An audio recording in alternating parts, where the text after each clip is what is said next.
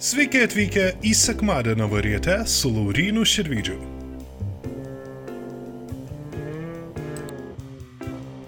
Sveiki, gyvi.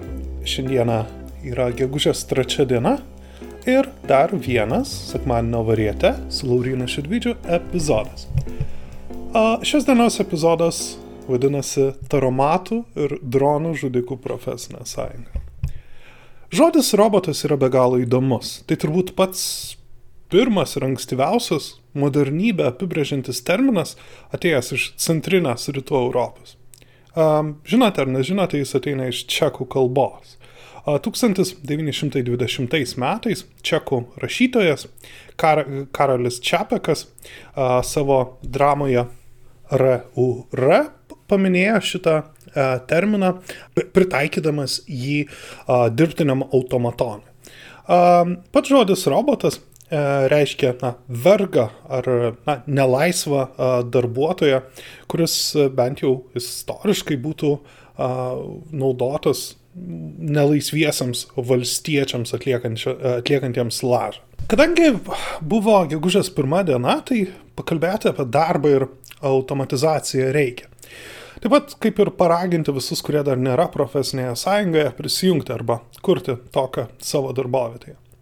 Taigi, turbūt daug kas esate matę YouTuberio uh, uh, CGP Grey uh, video įrašą Humans Need Not Apply. Jame autoris gana optimistiškai teigia, jog robotizacija ir automatizacija ateina, ji padarys mūsų gyvenimus geresnius arba bent jau kitokius ir kad reikia jai ruoštis. Pirmiausia, norisi atkreipti dėmesį į mūsų fantazijas apie robotus. Kai kalbame apie gyvenimą keičiančius robotus, kurie atima darbo vietas, man pati pirmoji asociacija yra su taromatu. Tai nėra joks droidas, humanoidas. Jis negali užtikrinti e, viso jam priskirtino darbo proceso. Robotas šiuo atveju labai gerai daro labai ribotą kiekį užduočių. Ir būtent tokie robotai dominuoja. Lygiai taip pat gamyklinėse aplinkose sutinkami net ir sudėtingesnės užduotis, pavyzdžiui, paimti detalę, kuri yra labai trapi, ją paimti tiksliai, nedarant klaidų, taip mažintant nuostolius, na būtent tokie robotai.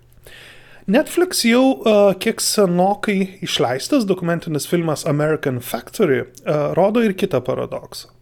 Kad toje pačioje Kinijoje, kurios verslininkas būtent e, šito serialo rėmas ir nusiperka buvusią automobilių e, gamyklą ir ten pastato automobilių stiklų e, liniją.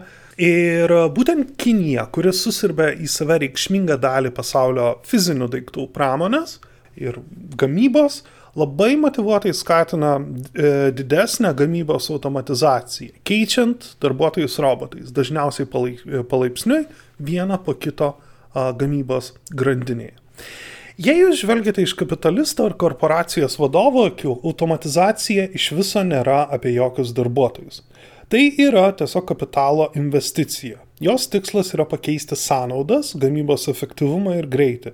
Nėra jokio skirtumo, ar pavyzdžiui, pizzą kepa žmogus, nepaisant to, kokią nuostabią pizzą gali ten pagaminti jūsų draugas ar pažįstamas ar panašiai, ar tą pizzą, kaip dabar bandoma daryti įvairiose silikono slėniuose startupuose, gamina ir kepa mašina ar kažkoks tai a, didesnis procesas. A, didesnė, na, gamybinė linija. Pagrindinis skirtumas yra išlaidos darbo jėgai ir jų santykis su alternatyva pakeisti šias išlaidas kapitalo investicija. Taigi, pagrindinis klausimas skamba taip. Kiek metų turi robotas dirbti, kad pateisintų savo kaštus? Iš darbuotojų pozicijos robotais nėra viskas taip paprasta. Nėra taip, kad robotai būtų suprantami nu, kaip kažkoks priešas. Niekas nesakys, kad pavyzdžiui valytojo darbas ar darbas itin pavojingose sąlygose, ten, kur aukšta temperatūra, tenais, kur yra na, visokiausių nuodai ir kitos pavojingos sąlygos, yra tai, ko žmonės nori kiekvieną dieną. Problema yra jau anksčiau minėtoje kalkulacijoje. Mažiausiai apmokamas darbas, nepaisant jo pavojingumo ar nemalonumo, kainuoja savininkui nedaug ir nėra tiek didelio postumio e, tą darbą keisti mašinomis. Tuo tarpu brangi darbo jėga, kaip pavyzdžiui kokie nors teisininkai, jie kainuoja daug. Ir juos pakeisti algoritmais, kurie daro, pavyzdžiui, researchą įvairiose bylose. Jie kainuoja daug ir juos keisti apsimoka ir Junktinėse Amerikos valstijose, bent jau mano žiniomis, labai nemažai a, to juodo darbo yra, yra atliekama įvairiausiais, na, skaitmeniniais algoritmais ir, ir programomis. Taigi, mano pirmasis teiginys būtų tai, kad galbūt na, pati kapitalizmo logika stabdo robotizaciją ir automatizaciją ten, kur jos galbūt norėtųsi daugiau, ten, kur yra daugiau pavojaus. Bet tose vietose nėra tiek brangu išlaikyti žmonės. Antra, Verslas iš principo yra konservatyvus. Jei kažkas nesulūžia ir veikia, pokytis dažnai yra, na, nepageidaujamas. Dažniausiai reikia išorės aktoriaus, kuris e, dažnai būna valstybė, kad pakeisti tą žaidimo taisyklės per, tarkim, inovaciją. Pirmiausia, jei kalbame apie brangę darbo jėgą kritinėmis sąlygomis, mes anksčiau ir vėliau susidurime su pagrindinė technologinė, e, technologinės inovacijas skatinančia sritimi - karinė pramonė. Ir labai aiški kryptis, bent jau gynybos srityje, yra uh, būtent robotizacija, kuri jau yra pažengus ir pažengus labai toli. Nors mašinos, kurios, pavyzdžiui, nukreipia raketą uh, valdomą iš kito pasaulio um, krašto į kokį tai taikinį, uh, dažniausiai vis dar yra valdomos žmogaus, na kaip tie patys dronai. Ir tikėtina, jog sprendimą priimti kokį tai kinetinį smūgį prieš taikinį dar ilgai priminė žmonės. Pati idėja iš karinių veiksmų patraukti žmonės yra labai patraukli a, gynybos ryties planuotojams, o ypač politikams ir ypač Junktinės Amerikos valstijos. Jau šiuo metu egzistuoja įvairūs pagalbiniai robotai gabenti daiktus ir įvairūs jau su letaliniais ginklais ap, apginkluoti robotai jau yra bandomi. Nes pati idėja, kaip jau minėjau, yra patraukli planuotojams. Robotą gali pasiūsti būti sunaikintam priešo.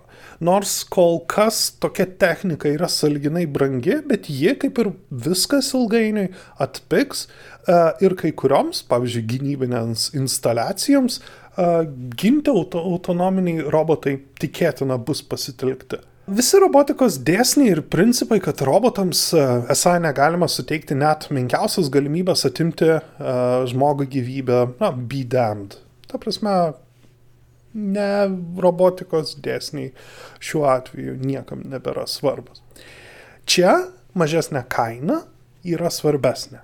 Pirmiausiai, nes keičiami iš principo aukštai kvalifikuoti žmonės kariuomenėje, kurios paruošti efektyviai veikti lauko sąlygomis reikia labai daug metų.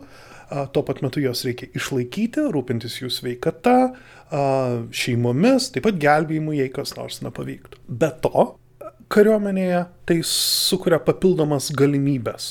Ir tai pastumės e, apskritai visą robotizaciją į priekį ir reikšmingai, nes skirtingai nei Silikono slėnyje, JAV gynybos finansavimo institucijos turi uh, biudžetus, kurie yra, jei ne neriboti, tai labai labai didelė.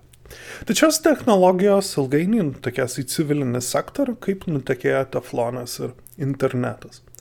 Tačiau entuziastams, dažnai kalbantiems ir apie pasiekmes, reikia susitaikyti su tuo faktu, jog automatizacija ir robotizacija uh, pasaulį palies labai netolygiai. Junktinės Amerikos valstijos, Europa, Rytų Azija bus pirmas pajutusios to privalumus, nes tiesiog turi darbinio kapitalo investuoti į šios pokyčius. Jei pertvarkyti gamybą ir sumažinti darbo jėgos poreikį reiškia turėti didesnius pelnus, tai mes labai natūraliai tai pamatysime. O veikiausiai jau matome ir jaučia, jaučiame gana masinę gamybos linijų modernizaciją.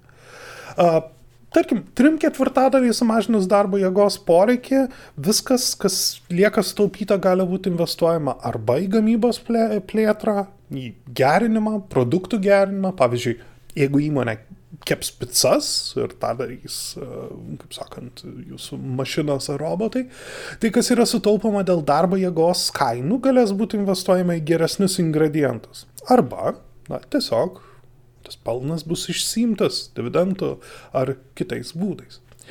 Tačiau, kaip jau minėjau, viso to negalės leisti visi visam pasauliu. Ir man čia kyla tam tikra analogija su XIX amžiumi. Didžiojo Britanijoje prasidėjus pramonės revoliucijai, beveik e, pirmasis pramoninis gaminys, kuris na, tapo plataus vartojimo eksporto preke, buvo audiniai. Audimo staklės, automatizuotos, jos sunaikino visą audimo amatą toje pačioje Didžiojoje Britanijoje. Tuo metu buvusioje Didžiosios Britanijos kolonijoje Indijoje to pasiekmes buvo masinė milžiniškos vietos audimo e, industrijos pauperizacija ir nuskurdinimas. Žmonės buvo priversti konkuruoti su technologija ir turėjo konkuruoti, ir turėjo konkuruoti kainą. Ir tai visiškai nuskurdino XIX amžiaus Indiją, kuri iš gana pasiturinčios kolonijos galiausiai tapo skurdžia, nes pradėta naudoti iš principo uh, tik kaip na, tokią rinką prekiams. Ir numanu, kad skirtinga prieiga prie kapitalo atskirs tas valstybės, kuriuose įmonės galės leisti greitą modernizaciją ir tas, kurios negalės. Ir mes stebėsime galbūt net ir įvairiausių absurdų, panašių į tuos, kuriuos jau yra aprašęs mokslo fantastas Stanislavas Lemas. Jono Tykio nuotikiuose, kuris a, Lietuvoje yra išleistas kaip futurologų kongresas. Vienoje iš jo distopijų apie cheminės apgaulės principų veikiantį pasaulį, kuris realybėje yra skurdus ir tik cheminėmis medžiagomis sukūriamas iliuzijos apie salginę prabangą, ten už visos iliuzijos slypi žmonės, kurie, kurie cheminę apgaulę yra įtikinti, kad jie yra robotai kažko panašaus galbūt net ir galima tikėtis ateityje, ypač, ypač kai kalbame apie atsilikusias ir modernizacijas uh, šone uh, paliksimas uh, valstybės. Galiausiai, yra problema su pačiais robotais. Robotai labai apsimoka dėl vieno aspekto. Jie nevartoja taip, kaip mes suprantame vartojimą ekonomikoje. Ir dėl šitos priežasties taigi robotizacijos plėtra gali na, pabaigti kapitalizmą, kaip jį suprantame, kaip tokį, iš principo dviem būdais. Arba ta didelė gerovė, kurią kuria mašinos, liks mažos žmonių grupės rankose, taigi judėjimas į mano jau kažkada aptartą neofeodalizmą, arba visuomenės e, ypač stipriose ir instituciškai stipriose valstybėse, ras būdą, kaip tą e, jų kūriamą gerovę perskirstyti. Tada galima tikėtis kokio tais testinumo arba pamatysime kitas socialinės būties formas. Ypač dėl to, kad darbas ir pragyvenimas ar išgyvenimas per darbą taps e, na, vis labiau vienas nuo kito atsietas. Šiuo metu mes jau matome projektų, kad esą reikia apmokestinti robotus ir jų sukūriamą gerovę. Kita vertus, mes taip pat matome ir įvairius populiarėjančius pasiūlymus, kad reikia suteikti žmonėms kažkokias tai bazinės pajamas. A, tačiau čia yra problema. To, tai daryti atskiros valstybės rėmose, na, tiesiog neapsimoka. A, taip yra šaudoma savo į kojas, nes taip tam tikrą prasme prarandamas pranašumas išorinėje konkurencijoje, nes valstybės nėra salos, jos konkuruoja a, ir tarpusavį. Taigi, kadangi robotai nevartoja, jie neperka moliūgų skonio late kavos. Jie išstumia darbo vietos gamyboje ir beje, kai aš kalbu apie gamybos gražinimą į Europą savo tekstuose, pažiūrėjau, kuris išėjo Delfi, aš neturiu jokių iliuzijų apie esą didelius skaičius darbo vietų veikiau grįžtų gamyba ir šiek tiek darbo vietų. Ir taigi išstumia darbo vietas gamybai ir palengva kuriamas vis labiau nesaugios darbo vietos aptarnavimą ir tose sritise, kur robotai sunkiau pritaikomi. Arba tiesiog reikia gyvo žmogaus bendravimo. Ir nors kapitalizmas turi savybę kurti neapibrieštą kiekį to, ko, to ką Junktinio Amerikos valstybių antropologas Greberis įvardina šūdmalos darbais arba bullshit jobs, bet vis viena artėjame prie vietos ir laiko, kai turėsime apsispręsti, ką reiškia pasaulis, kuriame vis mažiau žmonių dirba. Ir čia yra įmanomas visos įmanomos distopijos ir utopijos vienu metu. Šiai dienai vėlgi trumpiau, tik tiek ir aš turiu tam tikrą staigmeną, kad artimiausią savaitę galbūt turėsime pirmą specialią varietės laidą, pirmą laidą, kuris bus interviu su žmogum ne iš Lietuvos. Ir kol kas nespoilinsiu, bet nenustepkite, jei netikėtai pamatysite seriją, kuri išeis ne šeštadienį. Bus labai įdomu. Taigi, pabaigai, mano kažkada išsakytas buvo prašymas atsiųsti, atsiųsti e, žmonėms, kurie norėtų padabinti mano varietę savo muziką ir atsiliepia klausytojas Egis ir jisai atsintė grupės, aš kaip suprantu jo grupę, Veitra, tai VE į ilgoji TRA, kūrinį Time Will Bend iš jų albumo ar tai rinkinio in Dreamlike States. Juos galite rasti Bandcamp puslapyje.